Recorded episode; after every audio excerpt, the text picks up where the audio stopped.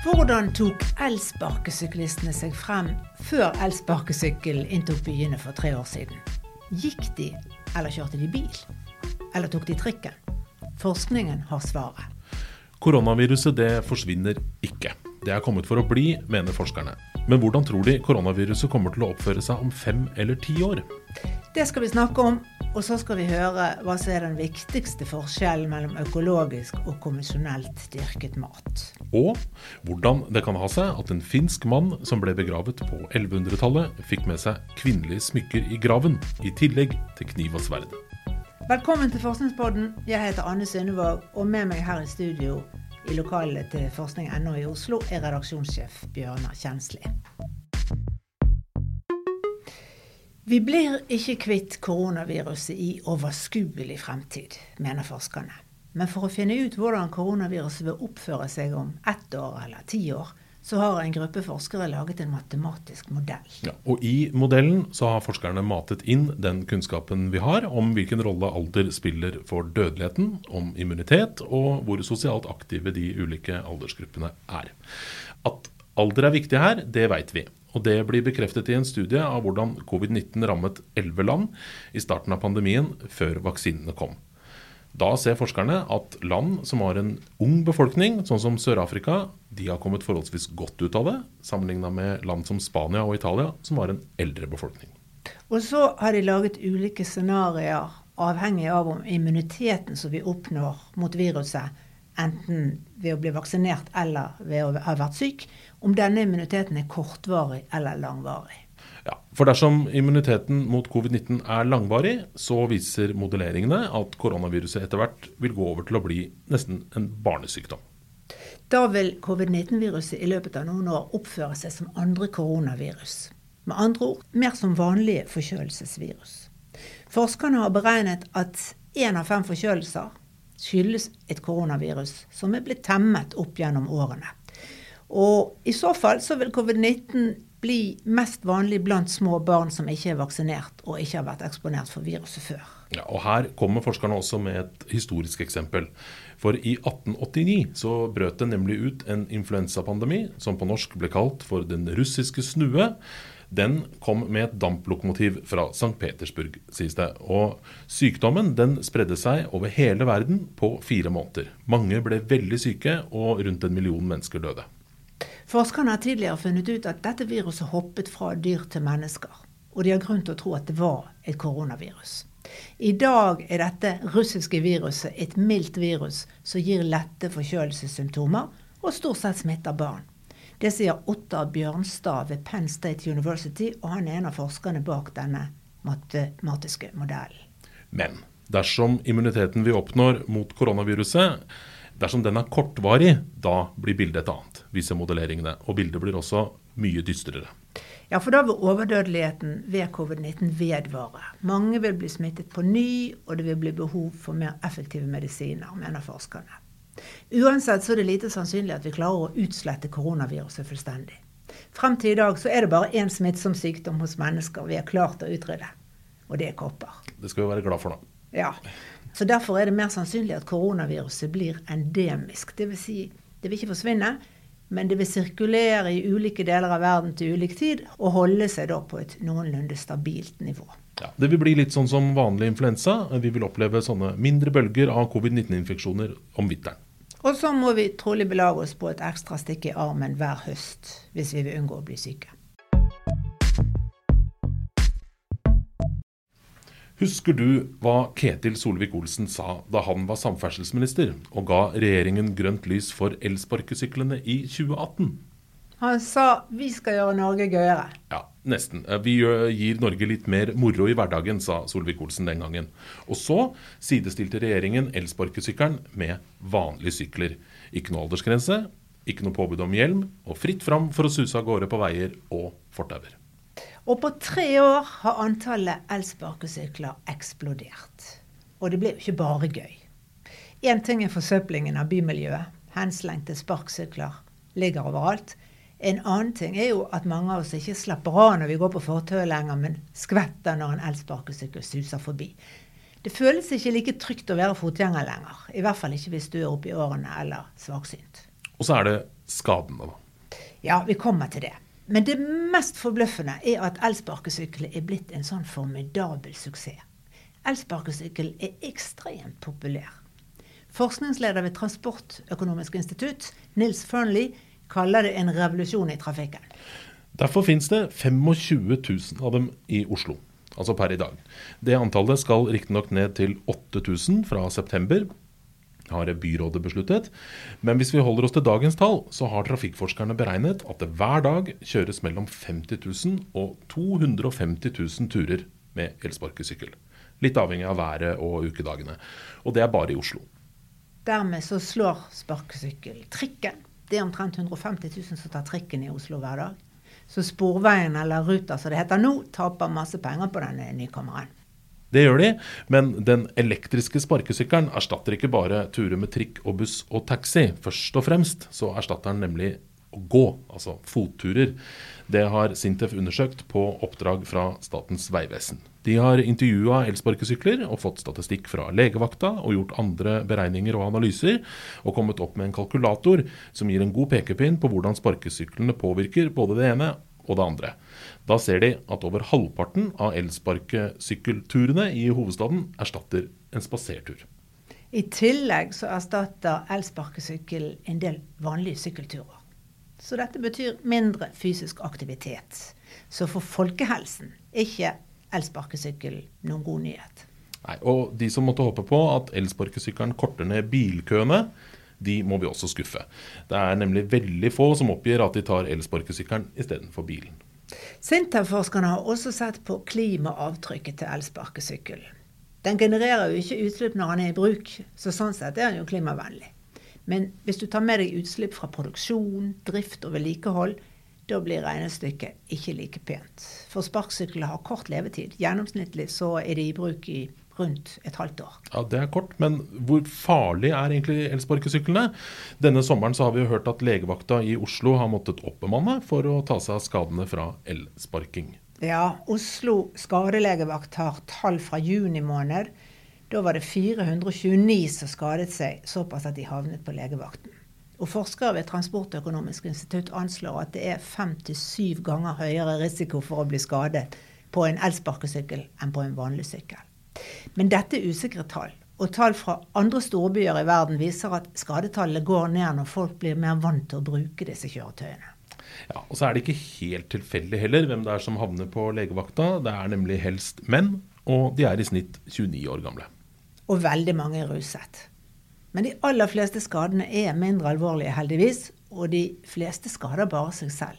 Det er få kollisjoner med fotgjengere. Ja, De skvetter vel kanskje bare unna. Men uh, de fleste ulykker med elsparkesykkel de skjer når en beruset yngre mann ikke helt får med seg da, et hull i veien eller en trikkeskinne eller en fortauskant. Og det skjer gjerne om natta etter midnatt. Nå blir det forbud mot å kjøre elsparkesykkel etter klokken 23 i Oslo, men ellers er det fritt frem. Og det er det ikke i andre byer. I Paris f.eks. så får elsparkesyklister som parkerer feil eller kjører på fortauet, en sviende bot. Og disse tøffe tiltakene er effektive, sier Katrine Karlsen, forsker ved Transportøkonomisk institutt til forskning.no.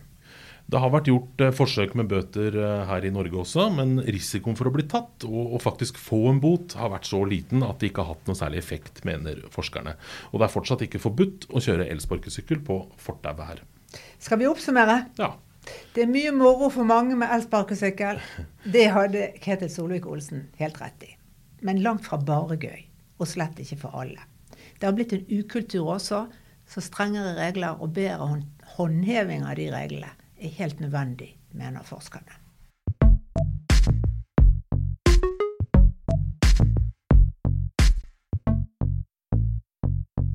De som sverger til økologisk mat, er overbevist om at det er sunnest.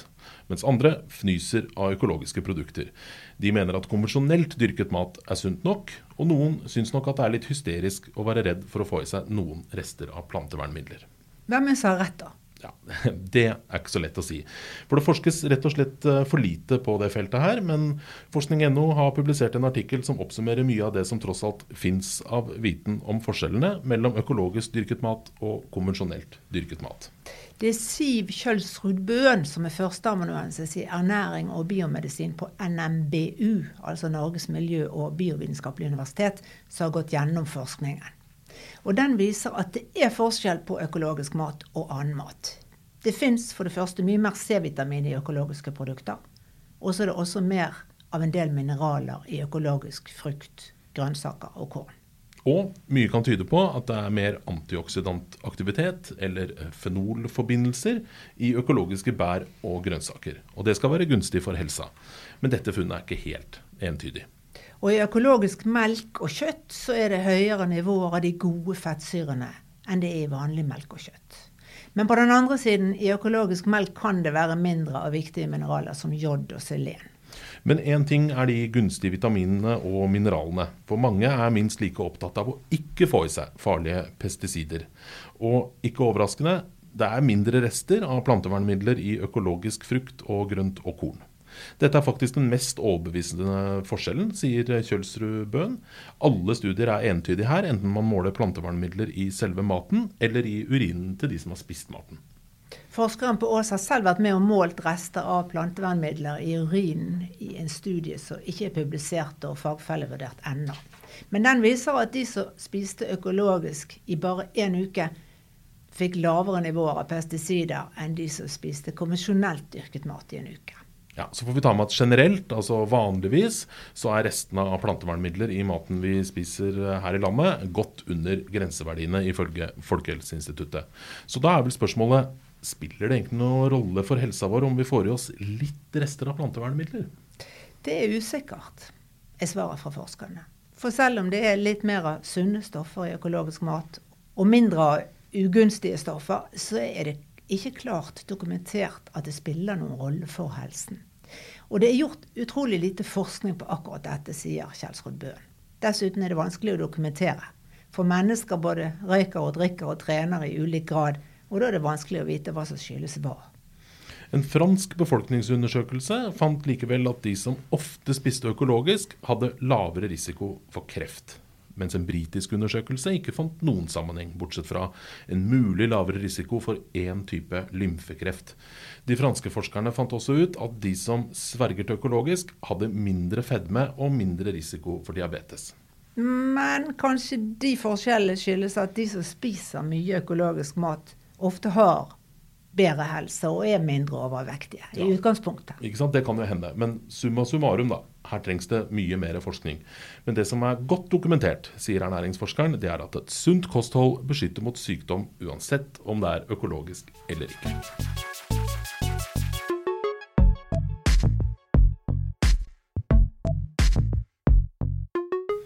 Nå gjør vi et sprang bakover i tid til lenge før plantevernmidler og elsparkesykler var påtenkt. Ja, vi skal til en grav i Finland som er 900 år gammel. Der har arkeologer funnet det de fram til nå har trodd må ha vært en kvinnelig kriger. For hun ble nemlig lagt i graven kledd i en ullkjole og hadde med seg pyntegjenstander. Ja, der lå flere brosjer. Men det lå også en sigg der. Og det lå en kniv. Og det lå et sverd. Og denne litt merkelige blandingen av gjenstander som både er feminine og maskuline, har arkeologer tenkt at må bety at det fantes mektige kvinnelige krigere i denne perioden, som ble begravet da med pomp og prakt. Men nå har genetikerne kommet på banen. Eh, og de har klart å analysere deler av DNA fra de beinrestene i graven, og mener å ha oppdaget noe veldig spesielt. Mye kan nemlig tyde på at den gravlagte personen hadde noe som heter Kleinefelters syndrom. Det er en medfødt tilstand som bare rammer gutter. Kleinfelters syndrom skyldes et avvik i kjønnscellene, altså X- og Y-kromosomene. Kvinner har jo to X-kromosomer, mens menn har ett X-kromosom og ett Y-kromosom. Men gutter med dette syndromet de har et ekstra X-kromosom, sånn at de har tre kjønnskromosomer. Et Y og to X. Denne genfeilen den fører til at testiklene ikke utvikles som de skal. Og de som har den da, de, de produserer derfor mindre testosteron og lite sædceller. Så menn med dette syndromet får også mindre hårvekst og muskler, og utvikler ofte bryster. I dag behandler vi denne tilstanden med tilskudd av testosteron. Men for 900 år siden, da? Ja, da var det verre. Ja. De finske forskerne undrer seg over hva denne kromosomfeilen kan ha hatt å si for denne mannens rolle i samfunnet i høymiddelalderen. En ufruktbar mann, for det er svært sjelden at menn med dette syndromet får barn, ble kanskje oppfattet som mindre mandig. Ja, og De spekulerer også i om mannen kan ha blitt oppfatta som ikke-binær, som det heter nå. Altså som, som verken kvinne eller mann. Og det kan forklare denne uvanlige blandingen av både kvinnelige smykker og macho våpen i graven. Og at personen ble begravd med dyre gjenstander, det må jo bety at han var akseptert og ikke uglesett i dette samfunnet, mener arkeologene. Han må ha kommet fra en velstående familie. Kanskje det var grunnen til at hans tvetydige kjønnsidentitet ble godtatt. Hva vet vi?